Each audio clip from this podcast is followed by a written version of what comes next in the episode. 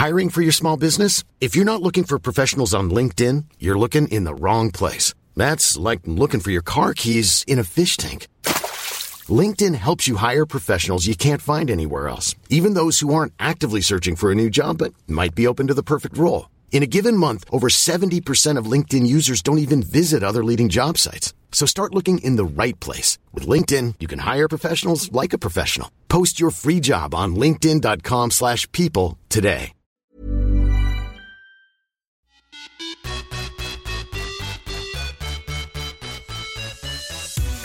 Moa Hjelmer debuterade i seniorlandslaget 2007 och sedan 2011 är hon svensk rekordhållare på 400 meter.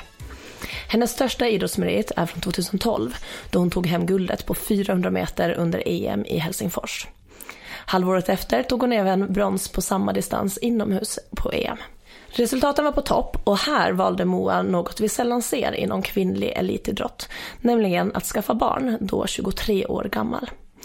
Till skillnad från andra så verkade Moa ändå se möjligheter och fördelar med att ta en paus mitt i karriären och fortsätta sin satsning efteråt. 2017 fick hon sitt andra barn och snabbt därpå var hon tillbaka på tävlingsbanan och på prispallarna. För oss är Moa ett, en otroligt cool och stark idrottare som inte bara går sin egen väg utan också står upp mot orättvisor. Vi har sett henne måla naglarna i regnbågens färger under VM i Moskva för att visa sitt stöd för hbtq-rörelsen. Hon har delat med sig om sin våldtäktsberättelse under metoo och på sin Instagram tar hon ofta upp viktiga och upplysande ämnen om till exempel hur, hur en atletisk kvinnokropp förväntas att se ut. Välkommen till podden. Det känns superspännande att ha dig här. Tack så mycket. Alltså, välkommen och stort grattis till två guldmedaljer i helgens SM som var. Ja, tack. Ja. Hur känns det? Eh, det kändes väldigt, väldigt roligt. För det var faktiskt inte väntat. Eh, utan det fick jag kämpa för att klara av. Så det var väldigt, ja, jag är väldigt glad. Var det så att 200 meters loppet var ditt näst snabbaste inomhus? Det var så? Ja, precis. Det stämmer. Det hade jag egentligen inte själv koll på först. Man, ja, man kommer inte ihåg alla sina liksom, näst bästa tider hit och dit. Men det var ju faktiskt det. Aha. Och sen var det någon som skickade nu också en eh, länk eh, att europeisk, på europeiska statistiska sidan så hamnade jag på någon delad sjätteplats också i Europa mm på 200. Mhm. Så då I år det, alltså? Ja, precis. Inomhussäsongen. Mm. Ah, okay. Det är inte en gren som kanske alla springer, men ändå. Det var mm. väldigt roligt. Grymt ju. Uh, ja. Det var både på 200 meter och 400 eh, meter som du tog guld eh, i helgen. Eh, vilken är du mest stolt över? Nej men det är 200 meter. Mm. Det blir lite, lite roligare att vinna något där man inte är given eller eh, där man var tvungen att kämpa lite extra liksom. Mm. Eh, på 400 hade jag det bästa resultatet innan tävlingen och så. Eh, mm. Då blir det då blir det nästan förvänt förväntningar på att man ska ta guldet. Eller? Ja men precis, även fast jag har blivit bättre på senare år att inte resonera så. Mm. När jag var yngre kunde jag tycka nästan det var lite jobbigt att man bara skulle leva upp till någon slags eh, förväntning och något krav och allt annat skulle vara dåligt. Och det har jag liksom verkligen fått omdefiniera för mig själv att det är inte så man ska tänka utan varje tävling är ju faktiskt en utmaning i sig självt och det är aldrig givet att man vinner eller att det går bra eller så utan mm allt kan hända, någon annan kan göra bättre, man kanske får ont. Ja, så mm. man får bara liksom, man får ta varje tävling för sig och eh, ja, vara glad även, även om det var förväntat så är jag fortfarande glad. Mm. Mm. Det är väldigt klokt att tänka så, men det måste också vara svårt för jag förstår att liksom, du har ändå varit du har ju liksom varit i svenska sprinteliten så otroligt länge. Mm. Och liksom kollar man dina SM-medaljer så finns ju du med i stort sett varenda år sen, jag tror det var 2009, på prispallen på 100 meter, 200 eller 400. Mm. Och enda året du är borta är 2014 då du fick barn i maj. Och sen efter ditt andra barn så där är du till och med med och tar ett stafett stafettguld. Ja, Samma, bara några månader efter. Så det är ju liksom, du har ju varenda år sedan 2009 så är du i statistiken på, med, på pallplats. Så att eh, jag förstår ju att det blir väldigt svårt att eh, ta bort förväntningarna på sig. Men det är också coolt att du aha, är där under så lång tid. Ja, verkligen. Men, eh, mm, nej men och det har väl, för att det har varit under så lång tid så har jag ju, ja det har ju varit både upp och ner. Eh, och man, eh, eh, ja nej men det har varit olika vänder eh, mentalt. Och där det har varit mycket krav och det är väldigt eh, skönt när kraven försvinner. Eh, men de kommer ju ändå alltid finnas där. Eh, antingen från andra eller från mig själv. Så då är det lika så bra att försöka lära sig att acceptera eller hantera det eh, inom sig. Och det har jag jobbat mycket med de senaste åren. Innan vi går mer in på alltså din karriär tänker jag, så är jag nyfiken på din bakgrund mera. För den har inte jag hört så mycket om.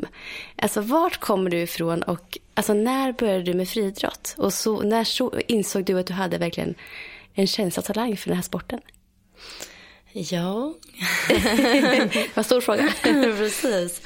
Eh, nej men jag, jag har eh, väl egentligen inte kommit så långt geografiskt. Jag är född och uppvuxen eh, utanför Stockholm. S- eller i en eh, söderförort som heter Skarpnäck. Eh, och nu för tiden bor jag i Hökarängen, ett stenkast bort. Man hör att du är Eh, stockholmare på ja. dialekten. Mm. Eh, det kan jag tänka mig att man har. Eh, och eh, då, på den tiden så var min klubb Spårvägen en eh, klubb som egentligen inte hade no- hemmahörande någonstans. Eftersom vi härstammar från eh, liksom lokal, Stockholms lokaltrafik och ja, vi har funnits över hela Stockholm. Så då fanns det en träningsgrupp i Skarpnäck och eh, min gympa, eller jag vill säga en fritidspedagog var det som var tränare i, i klubben som tyckte att ja, du kanske ska börja med friidrott. Ehm, men sen så har ju klubben också en tioårsgräns och eh, där var, visade ju sig redan när jag var ungefär sju år att jag kunde springa bra för att eh, jag var med på så här, skoljoggen eh, och vanden. Eh, men jag fick då vänta sen. Och var det tidigt så att du såg att det var just löp, alltså distansen, alltså lite längre löpdistanser inom friidrotten som du fastnade för eller höll du på med lite andra grenar som yngre? Jag höll på med alla grenar som yngre. Så att, eh, ja, jag har inte tävlat i alla. Jag har inte tävlat i eh, kastgrenarna och eh, inte i stavhopp och sådär. Men jag har tävlat i nästan alla andra grenar. Då när jag var liten, då sprang jag mycket terräng och så långdistans och sånt. Ja, jag tyckte det var kul. Men det var nog där liksom ändå som det visade att jag var, det var roligt att springa. Men sen var jag ganska duktig på alla grenar och då är blir det ju automatiskt kul. Så jag körde lite av varje. Det är det som är fördelen med friidrott. Man kan ju ja, man kan hoppa och kasta och springa och eh, testa lite. Det är inte så inrutat.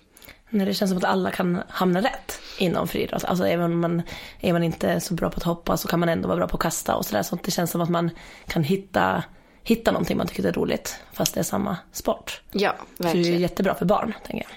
Ja, det är det. Är verkligen.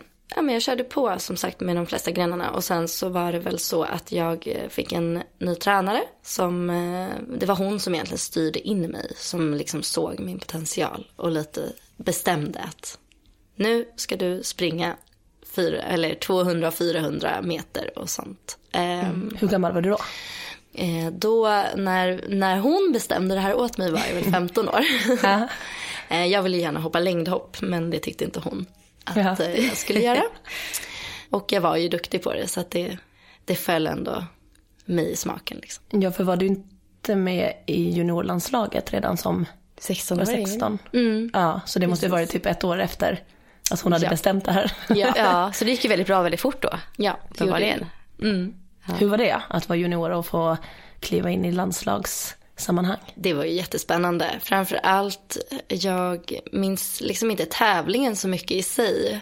Eh, utan men det här gemenskapen och att träffa andra duktiga idrottare med liksom samma ambitioner och vilja. Eh, det var ju väldigt inspirerande och väldigt roligt. Och, och lära känna andra från andra delar av Sverige. Eh, och även träffa finnar. Mm. eh, ja, umgås lite även utanför nationsgränserna. Mm. Det var ju jättespännande och det, det ger ju verkligen mer smak. Mm. Det gav mig det i alla fall. Sen hände någonting. 2011 verkar ha varit ett år som du verkligen förbättrade dig jättemycket. Mm. Kan det stämma? På 400 meter? Ja. Hände vad hände där? vad, vad, vad, hur blev det så? Um, det som hände var att uh, jag ett år tidigare hade bytt tränare. Igen, mycket tränare. Mm. här. Mm. Uh, nej men uh, min tredje och nuvarande tränare. och vi hade väl då haft ett år på oss helt enkelt att, att hitta varandra. För det är ju lite så att man har en ganska speciell relation med Eh, en tajt relation ofta med sin tränare. Och eh, när man börjar med en ny, det är, det är nästan lite som att man eh, inleder ett nytt förhållande. Mm. Och man ska hitta varandra och vara överens och ha samma målsättningar och tankar och idéer om upplägg och träning. Och det, det är ju många pusselbitar liksom som ska falla på plats. Mm. Och jag brukar nog säga det även sådär. Eller att det, det är liksom någon slags, det tar, det tar ett år ungefär innan man, när man gör en stor förändring i sin träning, att, innan det börjar ge resultat. Och det var väl det som hände 2011. Ja, ja för då vann du SM, var det så, mm. i Gävle? Mm. Jag kollade på en statistikgrej på Wikipedia, om det nu stämmer och allting. Men då så såg jag att det var flera sekunders skillnad liksom på, från ja. ett år till ett annat år. Liksom. Ja. 2011 var det så typ tre sekunder snabbare än 2010 typ, i, på 400 meter. Kan det stämma? Att det var så ja, vänta lite nu. Det måste ha varit, jo just det. Eh, jag måste ha sprungit på, nu kommer det till mig, 53-53 tror jag hade som eh, personbästa dessförinnan. Ah. Mm. Och det här var typ 51 och... 51, 58 ja. var det här. Det är ganska stor förbättring på ett år. Ja. Och det är ju ett stort hopp också liksom, om man pratar sig internationellt och ja. de sekunderna på den nivån är ju väldigt, väldigt mycket. Det är oerhört mycket. Eh, verkligen. Nej men det som eh, också låg bakom var att jag Alltså 400 meter är ju, det, det, har nog många hört att det är en tuff gren och sådär. Eh, och det stämmer verkligen. Mm. Den är ju framförallt väldigt mentalt krävande. Så att man liksom, mm. man kan inte bara springa utan man måste vara med med huvudet också. Eh, och det kan vara ganska tufft. Eh, så att jag hade lite ledsnat faktiskt på distansen. Så när jag bytte tränare då året innan då så sa jag väl det framkom väl rätt snart att jag, det här var jobbigt. Jag tyckte inte det var kul längre. Jag tappade liksom glädjen. Eh, och han såg det och föreslog då, men då kanske du, du ska strunta i att springa 400 meter. Och så fokuserar vi på 100 och 200. Tycker du att det låter roligt? Och då sa jag ja, det låter mm. roligt. Um, men då gör vi så. Så då bestämde vi det. Så vi tränade väl någon mix då kanske. Inte inte bara enbart mot eh, de korta distanserna men, men heller inte mot 400 meter utan lades på någon liten mittemellanbalans. Eh, balanserad träning och eh, så året därpå under sommaren så blev det att jag liksom började ändå känna mig mer lite, plötsligt började jag få ett sug efter att springa 400. Och det var jag som då föreslog inför SM att, ja men ska jag inte, ska jag inte bara köra 400? Och min tränare sa, ja om du vill. Så mm. gör det liksom. Det är helt upp till dig. Så jag hade inga förväntningar på mig själv inför det loppet. Och det kan ju låta så här jättekonstigt att jag inte hade tränat speciellt mycket inför för grenen och jag hade liksom inte tävlat innan det här speciellt mycket alls. Jag vet inte om jag ens hade gjort något lopp. Eh, till att liksom bara från ingenstans göra svenskt rekord. Mm. Som det då var. Det... Kan det vara så att pressen och att du blev mer avslappnad där gjorde faktiskt att du kunde prestera så pass bra? Mm, Vad tror du jo, själv? men absolut. Aha. Det tror jag. Och, jag tänker, och nyfikenheten från den tjejen, om du känner att du har gått framåt och blivit snabbare. Ja. Jag tänker att det måste ha funnits en nyfikenhet i att vad kommer klockan att stanna på, på den här distansen nu.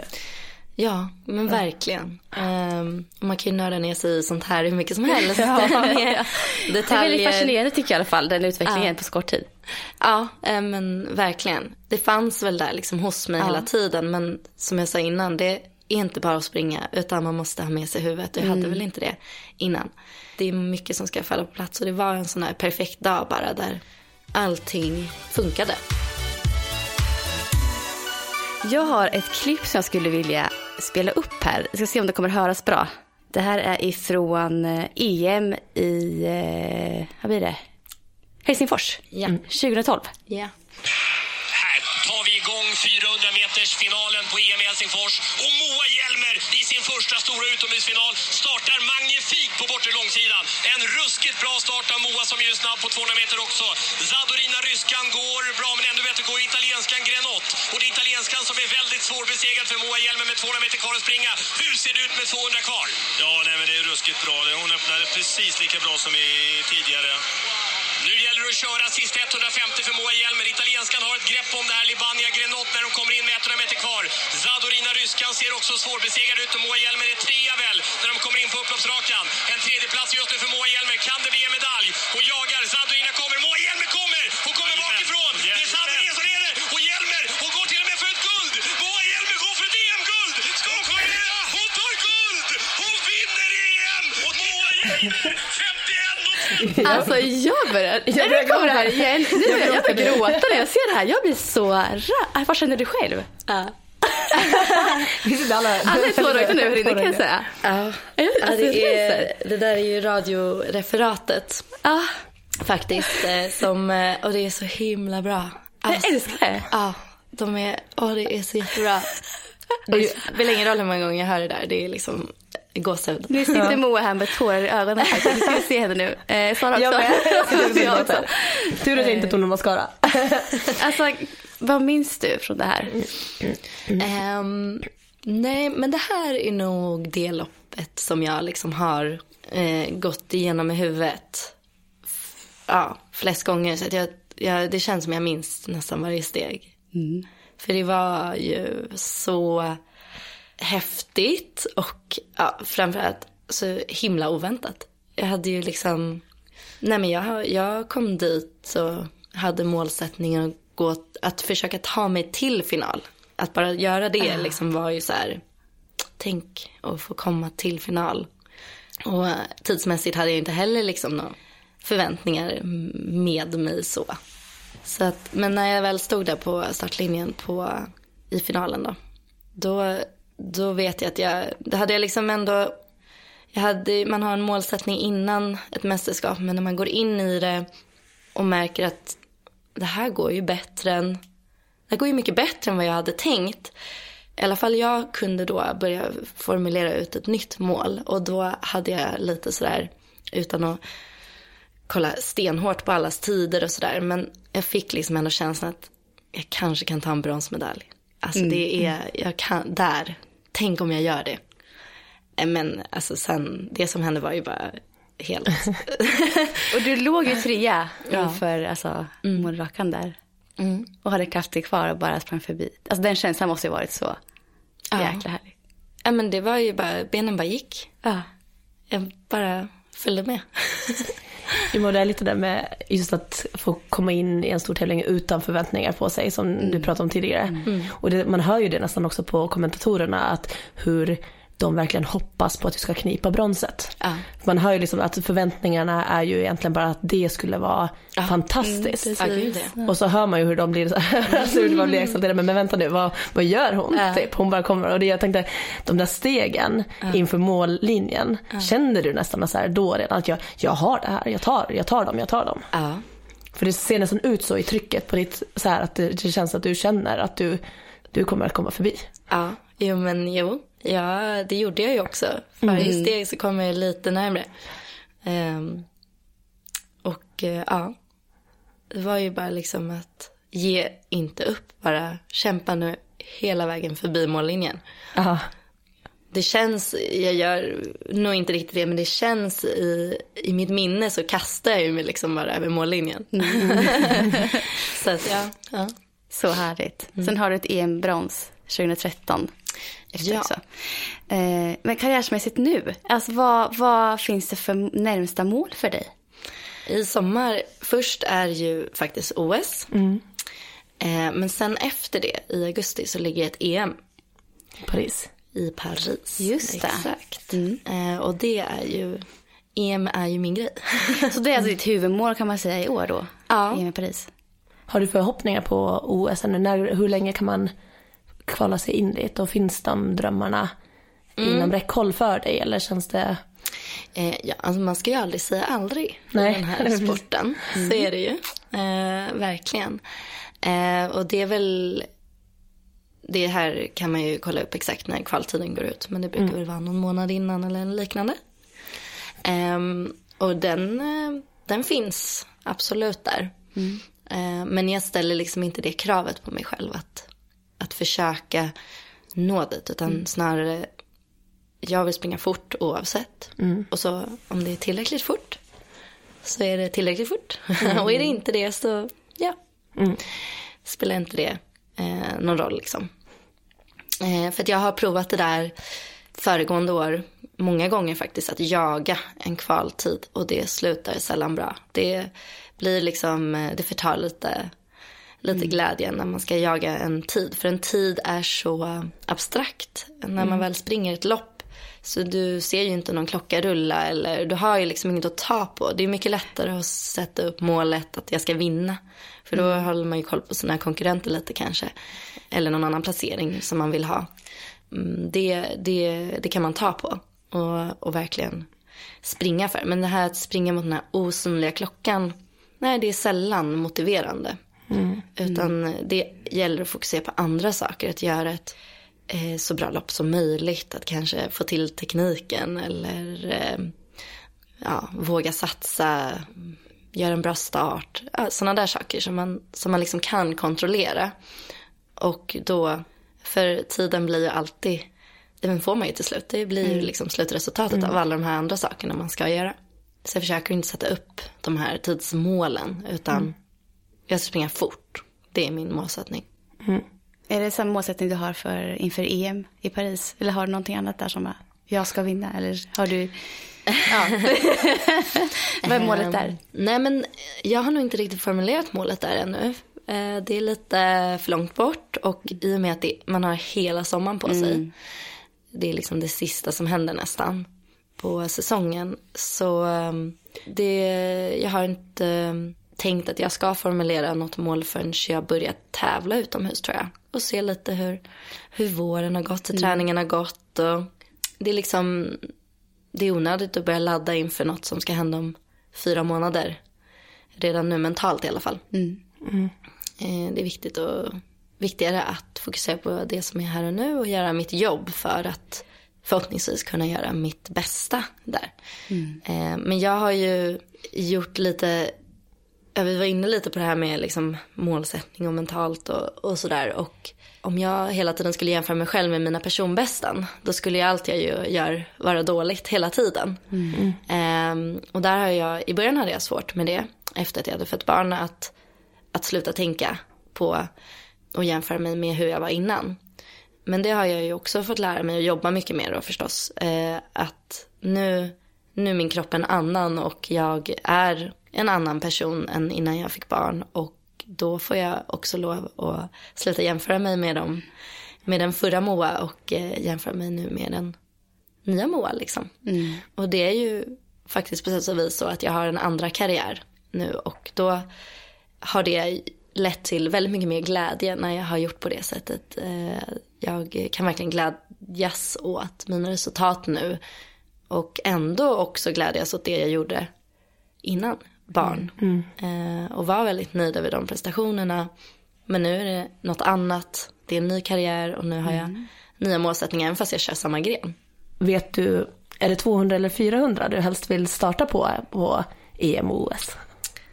Ja, alltså nu gick det ju så bra på 200 meter här i helgen som jag inte hade tänkt eh, att det skulle göra. Eh, och det är väl det som är så kul med Så båda lever? båda Eh, lever ja. i allra högsta grad. Gud så spännande. Eh, ja, Ja. eh, och jag, ja, det är ju ofta en fördel att samköra de två grenarna ändå. bo- För varandras skull. Man Ja. orkar lite längre på 200 om man, om man eh, tävlar på 400 och man blir lite snabbare på 400 om man tävlar på 200. Ja. Så det skadar ju liksom inte att köra båda. Så får Jag känner man ju väldigt tydligt när man, nu springer jag sällan 200, men jag brukar checka av en per år. Och det märker man ju ganska bra när man har ledningen ute i kurvan och så kommer det en 400 meters löpare bredvid. Ja. Man har ju liksom ingenting att svara på. Jag vet att nu går det ut för för mig. Ja. Och 400 de typ nästan sätter i en växel till där. Ja. på Du tycker 200. 200 är för Ja, långt, 200 är allt för långt. Det är jättelångt för. Ja. Så att jag brukar, så när jag springer det så känner jag så här, att jag brukar kunna hänga med bra ut i kurvan. Men sen känner jag att det finns ingenting att sätta tillbaka när Nej. 400 meters löparna kommer bredvid. Nej. Då är det bara, eh, är bara- ses, ses i mål. Ja, precis. Du, du, för dig är det att hålla ut. Liksom. Ja. Så att jag förstår liksom ändå just att 400, och 400 meter, ska man vara på den nivå som du är så behöver man ju också vara extremt snabb. Det är liksom, eh, även om det är lång sprint så är det fortfarande det är sprint. Ja. Så det, och det ser vi ju på dina 60 meters tider också. Jag menar du är jätteduktig 60 meters löpare också. Så det är häftigt att se. Mm, verkligen. Men det här, efter den här toppen när du liksom är på, du är liksom på din livsprestation. Året efter så blir du gravid. ja. Hur går dina tankar, tankar kring det valet eller, ja det är ju väldigt ovanligt. Ja. Att man säger, för du var 23 år gammal. Precis. Ja, eh, det, det finns en hel del olika anledningar. Eh, och jag kanske har valt att säga vissa saker i vissa sammanhang och andra saker i andra sammanhang. Vad som föranledde eh, det hela. Men eh, en stor del faktiskt var att jag efter att ha liksom presterat så bra och haft så mycket framgångar så liksom återigen så tappade jag lite glöden för, eh, för sporten. Och så kände jag att det, det som faktiskt hände var, eh, vi slutade där men efter EM-guldet 2012 så var det ett inomhus-EM på hemmaplan i Göteborg. Och då var jag ju stor favorit och eh, affischnamn med några fler förstås, men ändå. Och liksom, eftersom jag tog, tagit EM-guld ute, då bör man ju ta EM-guld inne också. På något sätt fanns de liksom förväntningarna. Så den hösten inför det mästerskapet var jätte, jättetuff för mig. Ehm, och eh, trots allt så klarade jag ju, eller jag ställde mig på startlinjen i Göteborg och jag klarade att ta en medalj och det var nog en betydligt större prestation än EM-guldet sommaren innan. Eh, och efter det så var jag liksom, ja men jag här, helt utpumpad. Det var, det hade tagit så mycket och jag var inte alls, tyckte inte alls att det var lika kul längre. Ehm, och då, och sen har jag alltid haft också en barnlängtan. Jag har alltid sett mig själv som en så ung mamma. Vet, det är många som gör det, men, men jag hade inte riktigt kunnat släppa den eh, idén om mig själv. Ehm, och jag vet att efter det mästerskapet så tog jag lite paus, som man ofta gör. Helt eh, behövligt liksom. Eh, och då satt jag och funderade mycket på liksom, hur ska mitt liv bli. Eh, jag var ju som sagt bara 23 men, men jag började ändå fundera på när, när får det plats en familj i en idrottssatsning. Eh, och jag såg liksom framför mig, ska jag satsa mot eh, OS i Tokyo. Eh, det är, då är jag 26. Jaha, vad händer sen? Ska jag lägga ner eh, liksom, friidrottskarriären när jag är 26 år gammal? Det låter inte... Det låter inget bra. Alltså jag gillar liksom ingen av mina, mina framtidsplaner. Det lät inte, det lirade liksom på något sätt inte. För jag känner ändå att jag vill nog hålla på med friidrott för alltid. Eller jag kan liksom inte se framför mig när jag ska sluta. Vissa har ju liksom kanske mer en sån idé om, om en karriär under viss, visst antal år. Men jag har liksom inte, jag har inte riktigt sett något slut. Och det gjorde jag inte då heller. Och att vänta då ytterligare liksom till efter jag var 30, det kändes absolut inte rätt. Så då blev det liksom bara så. Mm. Mm. eh, nej men då, då, varför, varför kan jag inte välja att skaffa barn nu? Vad, vad finns det för för och nackdelar liksom? Eh, och kom ju fram till då att fördelarna vägde över. Mm. Mm. Och du har idag två barn. Ja. Så de är födda 2014 och 2017, stämmer det? Mm, det stämmer. Och hur har det gått att komma tillbaka till träningen och tävlingsformen liksom, efter graviditeterna? Om man pratar fysiska hur, liksom. Ja, fysiska, mm. precis. Hur har det gått? Eh, det, det har eh, gått väldigt olika efter de två, eh, efter mina båda barn. Mm, okay. eh, faktiskt. Och det var mycket, mycket svårare efter första barnet. Nästan mest på grund av att jag hade så lite, eller det fanns så lite info att tillgå liksom hur, hur man ska träna, hur man ska tänka och som sagt jag var inte jättegammal, jag var liksom 24, med inte dunder mycket livserfarenhet. Eh, man får ganska mycket liksom, eh, vad ska man säga, förmaningar om vad som kan vara farligt och ja, gör inte si, gör inte så. För ofta egentligen inte för att man vet att det är, det är inte så att man vet att någonting är farligt utan man vet inte mm. eh, vad det kan ha för effekter. Så det är den här okunskapen och då vill man hellre liksom eh, ta det säkra för det osäkra. Och det är ju jättesvårt om man ska mm. vara elitidrottare. För att det, vi lever ju hela tiden på någon slags, vi går ju en balansgång mellan att liksom, att det får bära eller brista lite. Man, för att göra sina bästa resultat så är det där man måste ligga. Um, Precis, elitidrott är ju ohälsosamt egentligen bara som det är. Verkligen. Så att det är ju ingenting, man tränar ju inte för en god hälsa när man Nej. håller på med elitidrott. Och då blir det ju dubbelt, alltså tänker jag då under en sån här period. Mm. Precis. Och att då sortera allt det där, vad som är vad. Jättesvårt. Mm. Um, det slutade väl någonstans med, eller jag landade väl någonstans i att liksom att eh, sunt förnuft och att liksom lita på mina, min kroppssignaler är det som får, ja. får, får avgöra. Men det är, det är svårt att liksom komma fram till det när man får mycket förmaningar och ja, liksom vårdpersonal och andra barnmorskor säger att nej så får du inte göra och um, och liksom, jag tycker det är ett jättebra exempel är ju att man Eh, får höra, det här vet jag att eh, jag säger man för att det är inte bara jag utan det är, det är många som har fått höra samma sak. Man ska inte träna efter en förlossning och man ska vila si och så lång tid och eh, samtidigt då så blir det ironin i det här att du ska gå och bära på en eh, femkilos klump, mm. ett barn.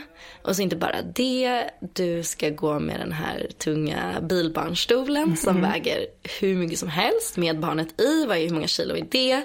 Då ska man lasta in kanske en barnvagn i en bil och lyft och eh, alltså ja, listan goes on. Och så, men så får man inte träna mm. på det. Alltså och så kan det... man lägga till att många där också har ett storasyskon som också kanske ska bäras på. En tvååring eller någonting ja, till. Exakt. Dessutom. Eh, så det är det, jättetungt. Ja det går ju liksom inte ihop. Det är väl precis tvärtom. Man måste ju få börja träna lite grann, lite försiktigt. Jag menar ju liksom inte en elitsatsning här. Utan, men överhuvudtaget att röra på sig och träna. Eh, och att återfå sin kontrollen över sin kropp. Mm. För att kunna eh, orka med vardagslivet, bara det. Mm. Eh, så att det som hände mig då efter första graviditeten var väl att jag liksom, ja det var, blev mycket trial and error liksom. Att jag provade mig fram och så, oj, stötte på patrull och nej, nu, för jag hade nog någon idé om att jag är ju vältränad och de musklerna och eh, min träning den kommer finnas kvar efter eh, att jag har fött barn. Men så, så funkar det ju liksom inte det kommer ju inte per automatik. Man får ju jobba för det. Mm. Eh, och lite naivt kanske hade jag också fastnat i, i mantra eller ordspråk eller vad man ska säga som är att det är så fantastiskt med kvinnokroppen. Den bara, det bara går tillbaka automatiskt. Det sköter sig själv. Ja, och jag tror många känner igen det. Ehm, det, bara, det. Och jag gick lite och väntade liksom. Ah, när, när händer det då? När går allting bara tillbaka? Tills jag då liksom lite kalldusch förstod efter några månader. Men, nej men herregud, så funkar det ju inte. Jag måste ju aktivt jobba med mig själv och min kropp liksom. Det tog eh, tid innan jag kunde eh, träna på fullt igen och innan resultaten kom. tog också ganska lång tid. För att mitt uppehåll var väl ett par månader, sex månader kanske, innan jag verkligen började träna igen. Då blev ju liksom allting förskjutet eh, och allt jag hade tappat under den tiden och sådär. Eh, Men efter andra barnet gick det ju mycket fortare för då hade jag ju lärt mig allt det här redan. Eh, Så då var jag ju igång eh, och träna. Jag började träna efter ungefär två veckor. Sen har jag ett medicinskt team som hjälper mig. Och det hade du inte vid första? Jo, det, Det hade jag också, också. ja. Mm.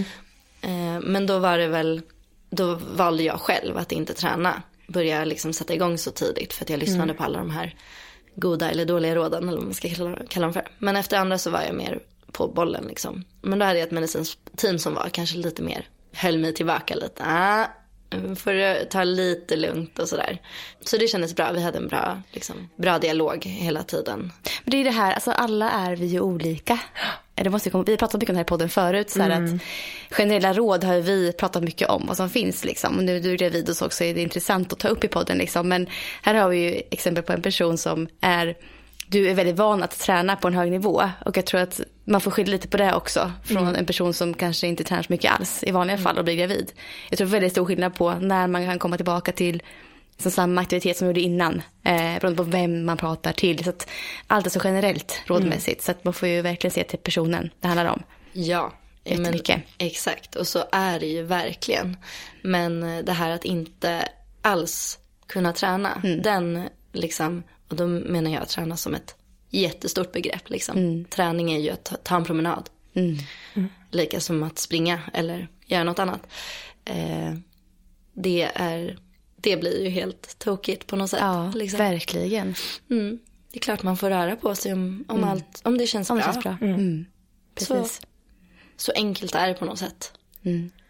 Eh, och om det inte känns bra, ja, då ska man ju såklart få hjälp för det också. Mm. I den bästa av världar bör det vara så. Jag tänkte, du sa att du har eh, väldigt så här, tajt relation med din tränare och så. Hur, hur reagerade han när, eh, när du tog upp familjeplanerna? I den här åldern och efter det här året liksom. Eh, nej men han reagerade bra. Eh, självklart så, som tränare så vill man ju liksom att, så ser man ju då att, åh nej, då kommer du försvinna ett tag. Jag tror aldrig han såg det så att liksom det skulle vara för evigt eh, på något sätt. Utan han såg det nog så som jag såg det, att liksom, nej men det här är, det här är bara något jag gör nu. Och sen så kommer jag ju såklart tillbaka. Inget snack om det. Eh, sen så har jag också kunnat träna. Jag har ju haft ganska lätta eller ja, skonsamma graviditeter. Jag har kunnat träna in i liksom sista veckorna inför förlossning. Eh, så jag har ju varit med på eh, träningen. Jag har träffat min tränare under tiden jag har varit gravid. Jag har kunnat rört på mig ja, i den mån jag kände mig bekväm med det och så. Så att det, liksom jag, jag försvann aldrig sådär heller eh, rent fysiskt. Nej. Men jag tänkte att det här måste ha ändå var, eh, varit väldigt positivt. Eh, för, att- I och med att jag tänkte att du har samma tränare idag som du hade då från 2011 eller vad sa vi? att det var? Ja, Ja. tio. Så då tänker jag, han har ju faktiskt fått vara med på hela resan och det tyder ju på att ni har ett bra, att ni är ett bra team. Ja, precis. Jura han har stått både i skogen med sele och haft bebisen på magen jag har sprungit och stått med barnvagn och allt har han fått göra.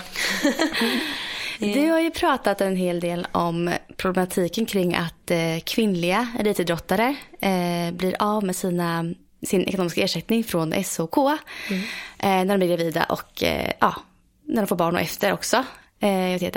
Hur ser du på det här? Alltså hur, hur skulle man kunna komma ifrån det här problemet som faktiskt blir av det här och den här ojämställdheten som faktiskt uppkommer?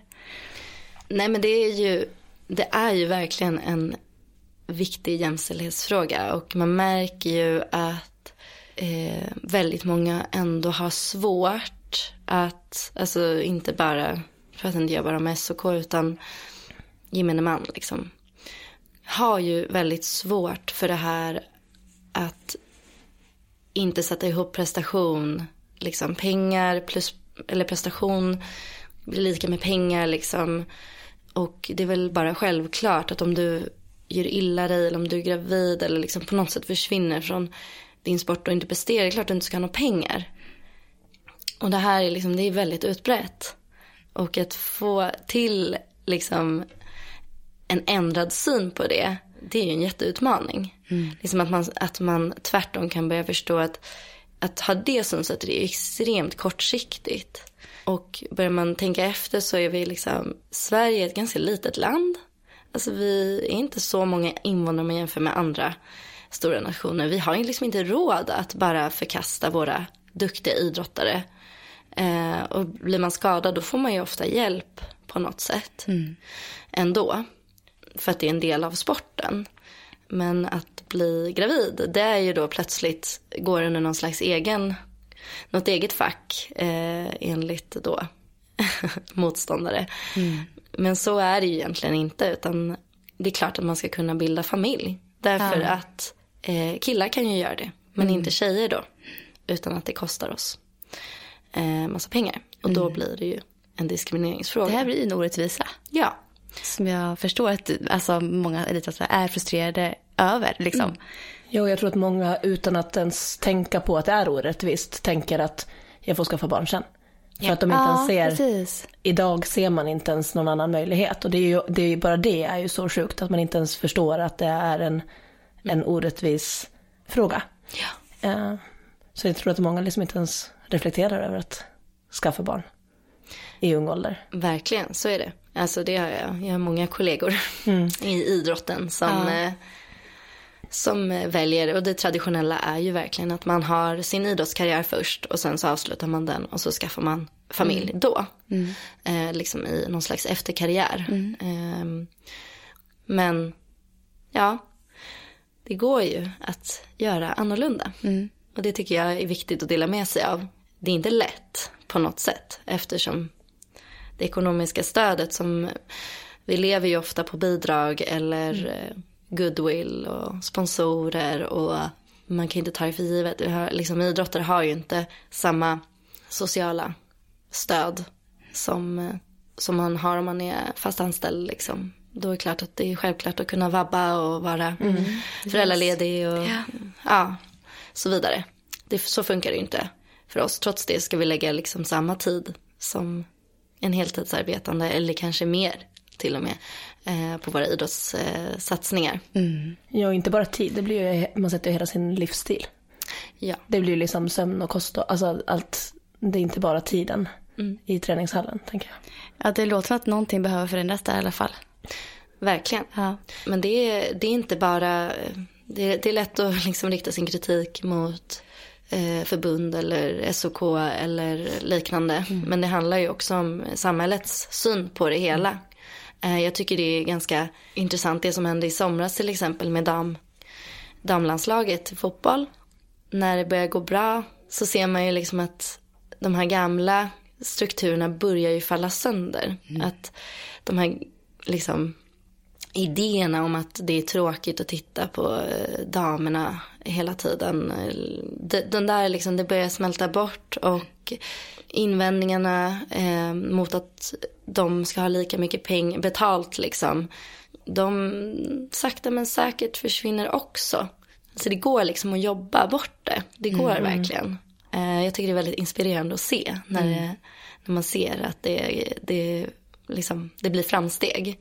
Men vi måste ju alla hjälpas åt inom idrotten i, alla sporter och så vidare. Ja, och att det känns som att det alltid måste komma också från en, pre- en rejäl prestation som sticker ut. Alltså det måste vara att det har gått bra för någon för att det ska kunna göra det. Samma sätt tänker jag att eh, det är därför det är så härligt att se dig också aktivt eh, visa på. Eh, till exempel, för du har ju också liksom, du har de meriterna som folk vet vem du är, folk vet ditt namn, folk vet att du är hur duktig som helst. Och då blir det också att på något sätt att det väger in tyngre när du skaffar barn mitt i eller när du går ut med, pratar om med orättvisor som du lyfter, liksom med kroppsideal eller hbtq eller någonting. Liksom är det någon som gör det på en lägre nivå så sträcks det inte ut på samma sätt. Så det är ju verkligen de här presta...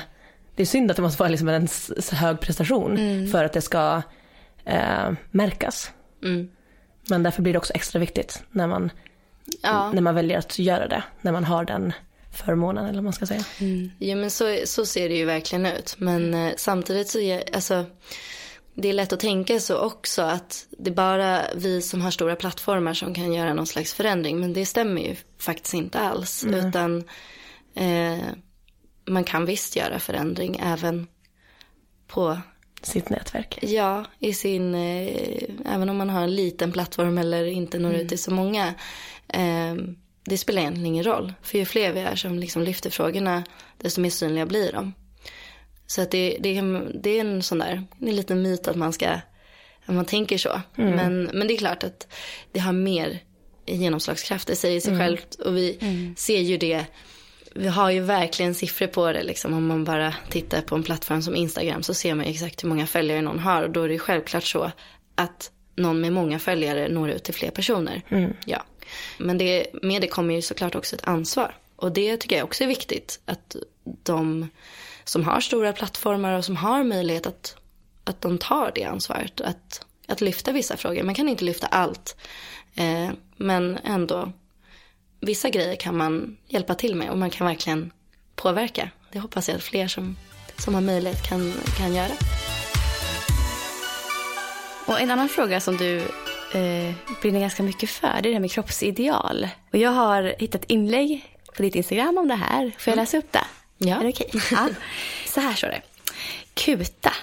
En mamma med hängmage kan också springa fort. Spelar faktiskt ingen roll att det hänger och flänger lite extra, ifall nu någon undrade. Ni morsor där ute som känner er begränsade av er mage efter graviditeten. Låt den inte hindra er från att gå ut och röra på er. Ta med den ut på tur. Det kan kännas lite konstigt och obekvämt först. Men för varje gång ni vågar så kommer det kännas lite mindre jobbigt. Och är det egentligen inte mycket häftigare när det inte ser ut som att du kan massa saker, men så kan du det ändå. Du kan vara snabb och stark och uthållig och bolla vardag och jobb och plugg och barn. Utan att en enda ruta syns på magen. Och ja, vad är egentligen viktigast? Jag är hellre stark på riktigt än att bara se stark ut. Mm. Jag, tycker det här, jag blir så glad över det här. jag tycker det är bra. Eh, ja. va, hur kommer det sig att du, att du liksom brinner mycket för den här frågan? Eh, och sprider mycket av det här budskapet på dina, i dina kanaler. Ja, eh, det är också något sånt här som har växt fram. Eh, det är lite så med, med såna här frågor. Det är inte så att man letar liksom i listan på vad ska jag, vad ska jag brinna för. Utan det, det är något som kommer till en eh, på massa olika sätt. Eh, plötsligt inser man att man tycker att något är viktigt. Eh, och det här det startade ju för mig såklart efter min första graviditet och jag fick jättemycket ärr och bristningar och ja, synbara liksom spår efter första barnet. Och det gjorde att min liksom, självbild fick sig en törn. Liksom, eller min, min utseende, en bild av hur jag såg ut fick sig en törn. Att liksom, men jag är ju helt randig på magen. Och så ska jag tävla och när vi tävlar så har vi små tävlingskläder och man visar mycket hud. Man kan ju välja såklart att täcka sig men på något sätt en av mina ordinarie tävlingskläder ser ut så. Men i början så vågade jag liksom inte visa min mage så jag valde andra kläder.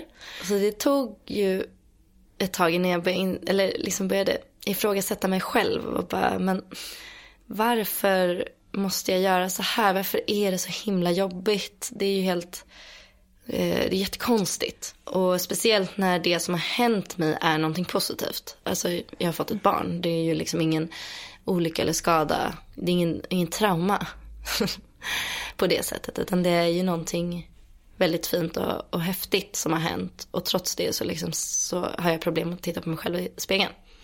Och det där höll jag på att slåss mot. Liksom. Och så märkte jag att det hjälpte ju jättemycket av att se andra då. Till exempel i, i mitt Instagramflöde eller ja, på olika andra sätt. Eh, var liksom bekväma i sina kroppar som inte såg ut precis som eh, normen eller idealet. Och att jag insåg att jag eh, behöver inte heller skämmas eller eh, gömma mig. Utan jag, jag ser ju bara ut så här. Fast liksom, så är det ju nu. Eh, och där startade det på allvar. Eh, och sen så började jag nog tänka tillbaka också mycket till mina eh, tonår och sådär. För jag har liksom inte varit så himla, jag har aldrig varit speciellt utseende intresserad alls av utseende. Alltså inte varit en sån person. Så började jag liksom verkligen fundera igenom, vad, men vad kommer det ifrån? Varför, varför är det här plötsligt så jobbigt? Eh, men då började jag inse att jag har liksom aldrig riktigt sett ut som en eh, typisk eh, elitidrottare, även innan. Utan jag har alltid varit, haft lite kurvor och lite liksom, ja men inte sett ut som en typisk eh, elitidrottare. Och det där har nog liksom lämnat spår och ju mer jag tänkte på saken då fick jag ju också kritik efter mitt EM-guld 2012 för hur jag såg ut. Mm. Eh, fick du det? Hur, hur, kom den kritiken fram? Men det var väl så under kommentarer på olika artiklar och Ja, vanligt, vanligt folk. Alltså vanligt de som har tittat på tv? Folk, ja, tv-tittande ah, okay. mm. människor som mm. liksom hade, ja, tyckte att eh, jag det var väl jätteduktigt att jag hade tagit EM-guld och så, men det måste ha ändå varit tur eftersom man ser ju på mig att jag inte är vältränad. Och, men oj! Eh, så blev jag uttagen till OS då. Eh, och då var det också sådana kommentarer som följde med, liksom att, jo men, men hon kommer ju aldrig göra något bra på OS för att man ser ju att hon, hon är ju inte tillräckligt stark. Hon är inte liksom och det bedömer de bara på det visuella? Ja. Mm. Inte på liksom dina resultat? Precis. Som, och då är du starkast på det hur du tog gör. Du, hur tog du, du åt de kommentarerna? Alltså, var det jobbigt? Nej, alltså där och då så var det ju så här, nej men, det var ju lite fånigt och eller att liksom, jag skrattade bort det där för jag tyckte att det var, jag tog faktiskt inte åt mig eh, i stunden. Men eh, det insåg jag ju då flera år senare att och det fanns ju kvar. Jag kommer ju ändå ihåg de här eh, kommentarerna. Liksom. Så på något sätt så gjorde det ju ändå, så påverkade det ju ändå mig. Eh, och det var som att de, liksom, de, de kom fram, de här tankarna, när jag nu hade fått en kroppsförändring. Som jag inte var, som hade också, som på ett sätt kommit väldigt hastigt, för det gör ju det liksom. Mm. Eh, när man barn växer i magen, det går ju fort. Mm. och då, då poppade det där upp också. Och då började jag ju koppla ihop det, liksom, inte bara med barnafödande utan även med elitidrottande. Att eh, just det finns ju de här normerna även i, i min egen sport. Jag hade nog naivt tänkt att det inte gör det eftersom vi är, friidrott som vi pratade om är ju så himla eh, brett. Vi ser ju väldigt olika ut om man håller på med sprint eller kastar diskus eller hoppar höjd eh, och så vidare. Vi, vi har ju olika kroppar. Men det finns ändå normer inom varje grengrupp och det, liksom, det tänker man kanske inte så mycket på där och då. Men, men de finns där och de har nog påverkat en hel massa personer som kanske av olika anledningar inte ens finns kvar inom idrotten på grund av sånt eh, som kroppsideal. Mm. Nu har vi sex stycken snabba frågor kvar. Ja. Om vi inte har någonting annat att komma in på innan. Nej. alltså, vi, har, vi har pratat på så länge här. Ja, vi har, det, vi har gjort det. Men, ja. ja men det, ja, det har varit så intressant att lyssna till, till dina upplevelser. Mm. Mm. Så vi har nu dina favoriter kallar vi det här. Okay. Så du ska egentligen bara svara på favorit i den kategorin då. Så första frågan är, hur ser ditt favoritlöppass ut? Eh, mitt favoritlöppass, det är Alltså dels när jag själv är i form förstås. När jag springer jättefort.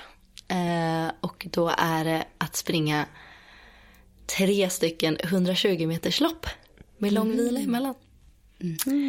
Ja, det är någon, något av mina absolut favoritpass. Vad är din favoritövning i gymmet? Eh, jättebra fråga. Jag har länge inte tyckt om att vara i gymmet. Eh, men har lite hittat glädjen nu, typ senaste året.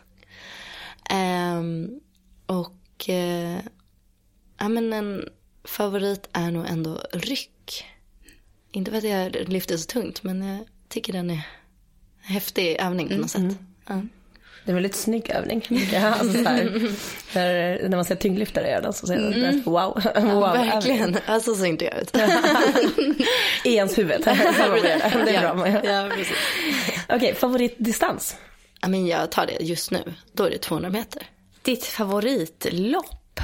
Tävling då för dig kan det ju vara Ja, också. din favorittävling, precis. Finnkampen. Finnkamp. Ja men just det, det måste ju vara, det förstår Härligt.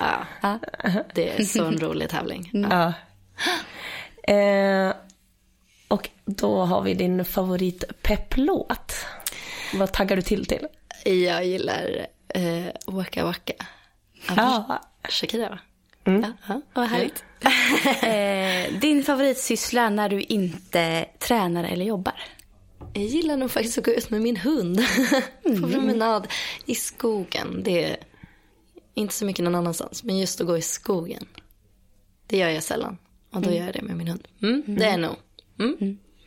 Jag vill säga stort tack till att du kom till vår podd. Det är jätte, jättekul att träffa dig. Verkligen. Verkligen, och stort lycka till nu inför eh, träningen och sommaren 2020. Ja, Vi, vi kommer att följa dig med, med stort intresse och hålla våra tummar. Ja, ja jättekul. Ja, nej, men jättekul att få vara här. Det var jätteroligt att prata med er. Ha det fint nu.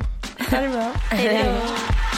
You're a good soldier, choosing your battles. Pick yourself up and dust yourself off and back in the saddle. You're on the front line, everyone's watching. You know it's serious, we're getting closer, this isn't over. The pressure's on, you feel it, but you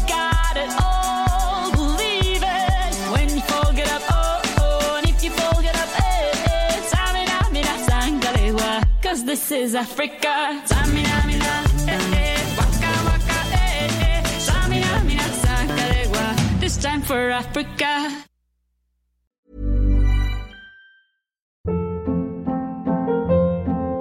Hold up. What was that? Boring. No flavor. That was as bad as those leftovers you ate all week. Kiki Palmer here, and it's time to say hello to something fresh and guilt-free. Hello Fresh. Jazz up dinner with pecan-crusted chicken or garlic butter shrimp scampi. Now that's music to my mouth. Hello Fresh. Let's get this dinner party started. Discover all the delicious possibilities at hellofresh.com.